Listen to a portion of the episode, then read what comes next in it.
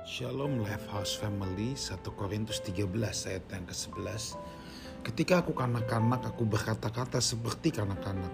Aku merasa seperti kanak-kanak Aku berpikir seperti kanak-kanak. Sekarang sesudah aku menjadi dewasa aku meninggalkan sifat kanak-kanak itu.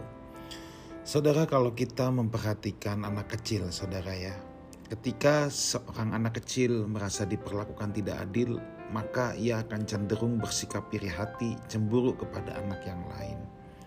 Pada umumnya, anak kecil ingin dianggap lebih baik daripada anak-anak yang lain.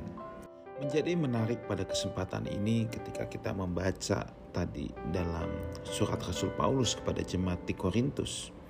Rasul Paulus memakai uh, sifat perangai, ya, sifat anak-anak di salah satu bagiannya ini untuk menasehati jemaat Tuhan yang ada di kota Korintus. Saudaraku jemaat di kota Korintus itu terkenal dengan uh, berbagai karunia yang mereka miliki. Mereka jemaat yang luar biasa saudara ya. Mereka terletak di sebuah kota besar dan ada begitu banyak karunia rohani yang terjadi di tengah-tengah jemaat. Tetapi sayangnya mereka punya sifat kekanak-kanakan di mana mereka iri hati, mereka berkelahi, mereka menyerang satu sama lain, mereka terpecah belah, ada yang berkata aku golongan Paulus, aku golongan Petrus dan lain sebagainya. Dan pada kesempatan ini Paulus mengajarkan kepada kita bahwa rupanya banyaknya karunia, usia rohani itu tidak menjamin seseorang bisa menjadi dewasa rohani. Maka benar apa yang dikatakan bahwa menjadi tua itu pasti ya. Waktu itu kan berjalan saudara. Tapi jadi dewasa itu pilihan. Orang tua belum tentu dewasa. Dewasa itu bicara kematangan.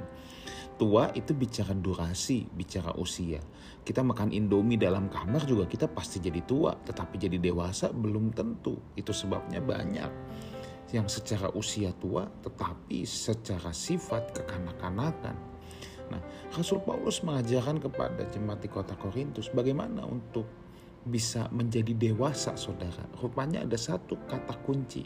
Sekarang aku sudah menjadi dewasa. Aku meninggalkan sifat kanak-kanak itu. Nah, ada kata kunci di sini meninggalkan. Jadi kalau sifat kanak-kanak tidak mau ditinggalkan, seseorang selamanya akan jadi kanak-kanak terus saudara ya sekalipun umurnya tua tapi dia tetap bisa jadi kanak-kanak terus. Nah sifat itu harus ditinggalkan. Harus ditinggalkan. Sifat kekanak-kanakan itu harus ditinggalkan. Harus memilih memutuskan meninggalkan sifat kekanak-kanakan. Caranya gimana? Nah tumbuhkan yang namanya kasih. Orang dewasa rohani itu hidup dalam kasih.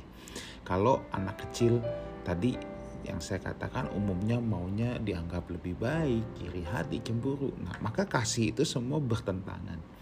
Ketika orang ingin mendahulukan dirinya sendiri, itu anak-anak. Kalau orang yang sudah dewasa, yang hidup bertemu dalam kasih, mendahulukan kepentingan orang lain, tidak memegahkan diri. Ya tidak iri hati tapi justru maunya berbagi. Itu sebabnya saudaraku kehendak Tuhan bagi kita adalah yuk kita bertumbuh hingga mencapai kedewasaan penuh dalam Kristus di mana sifat kanak-kanak itu terkikis habis. Karakter Kristus nampak dalam hidup kita dan kita bisa meninggalkan sifat kekanak-kanakan itu. Selamat bertumbuh Tuhan Yesus menyertai kita semua. Amin.